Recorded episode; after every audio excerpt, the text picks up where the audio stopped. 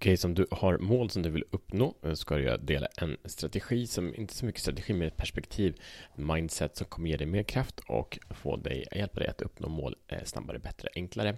Välkommen till Kör the Fuck Up Podcast. Jag heter Mattias Fyron och det här är ett podd för män som är redo att frigöra sin inre kraft och leda sina liv från en mer autentisk plats. Välkommen och tack för att du är här. Okej, okay, så det här handlar om, det finns, det finns en, det är en paradox, det är en utmaning.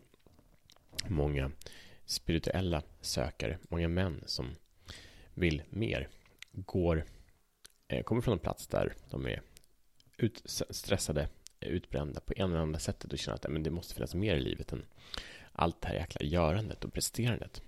Jag vet att jag är någonting bortom det.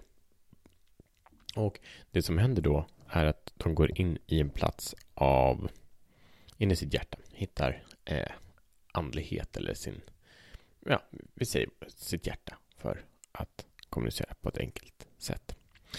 Ehm, och från den platsen så pratar man inom spirituell tro att man inte ska ha något ego, att man inte ska ha några identiteter, att man ska gå bortom det här. Och det är ju skit när man ska gå på en resa och att bli spirituellt upplyst, speciellt om man kommer eller bor i ett östland.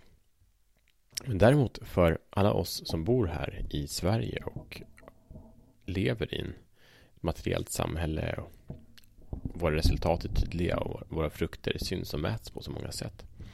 Så finner jag att det är en väldigt stor illusion som många lider av. Så det finns ett annat perspektiv som jag vill bjuda in dig till här och nu och det är perspektivet för de resultat du vill ha i ditt liv så finns en underliggande identitet. Och vilken typ av person har de resultat du vill ha, oavsett om det är familj eller hälsa eller karriär eller mental styrka eller vad det nu är. Det finns en identitet. De bästa, eh, de som har bäst fysisk förmåga är atleter. Identiteten är atlet. Mm, de som är bäst partners är närvarande män. Um, så det finns de här identiteterna. Och identiteter blir först verklighet när de understryks av handling. Så det är skillnad från det spirituella sökandet där vi ska göra oss av med våra egon. Skulle jag påstå att när vi har ett mål eller en riktning som är i linje med vår autentiska sanning så behöver vi strategiskt bygga aktiviteter för att stärka den identiteten. Och det som händer när vi har aktiviteter som stärker eh, identiteten och därav skapa resultaten så lever vi och leder vårt liv i den riktning och från en plats som vi vet är sann. Så en fråga, oavsett vilket mål du har, är helt enkelt men vad är det jag eh, den som har det här resultatet, vilken identitet är det? Och den som har den här identiteten, vilka handlingar gör han? Och när du bara besvarar de frågorna så kommer du få snabba och extraordinära resultat. Så bygg ditt ego, inte från den platsen av ego som man pratar om i den spirituella kretsar, att bekräftelse eller självbild utifrån att försöka vara någonting.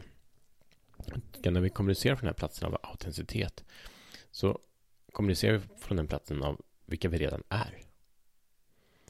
Så det är inte att försöka vara någonting, utan det är att inse och acceptera istället för att gå i motstånd och kamp mot vilka vi är.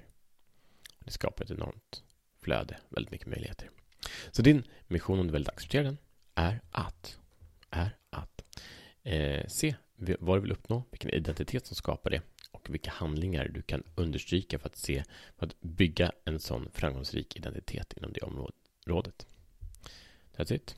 Vi ses imorgon som bättre män.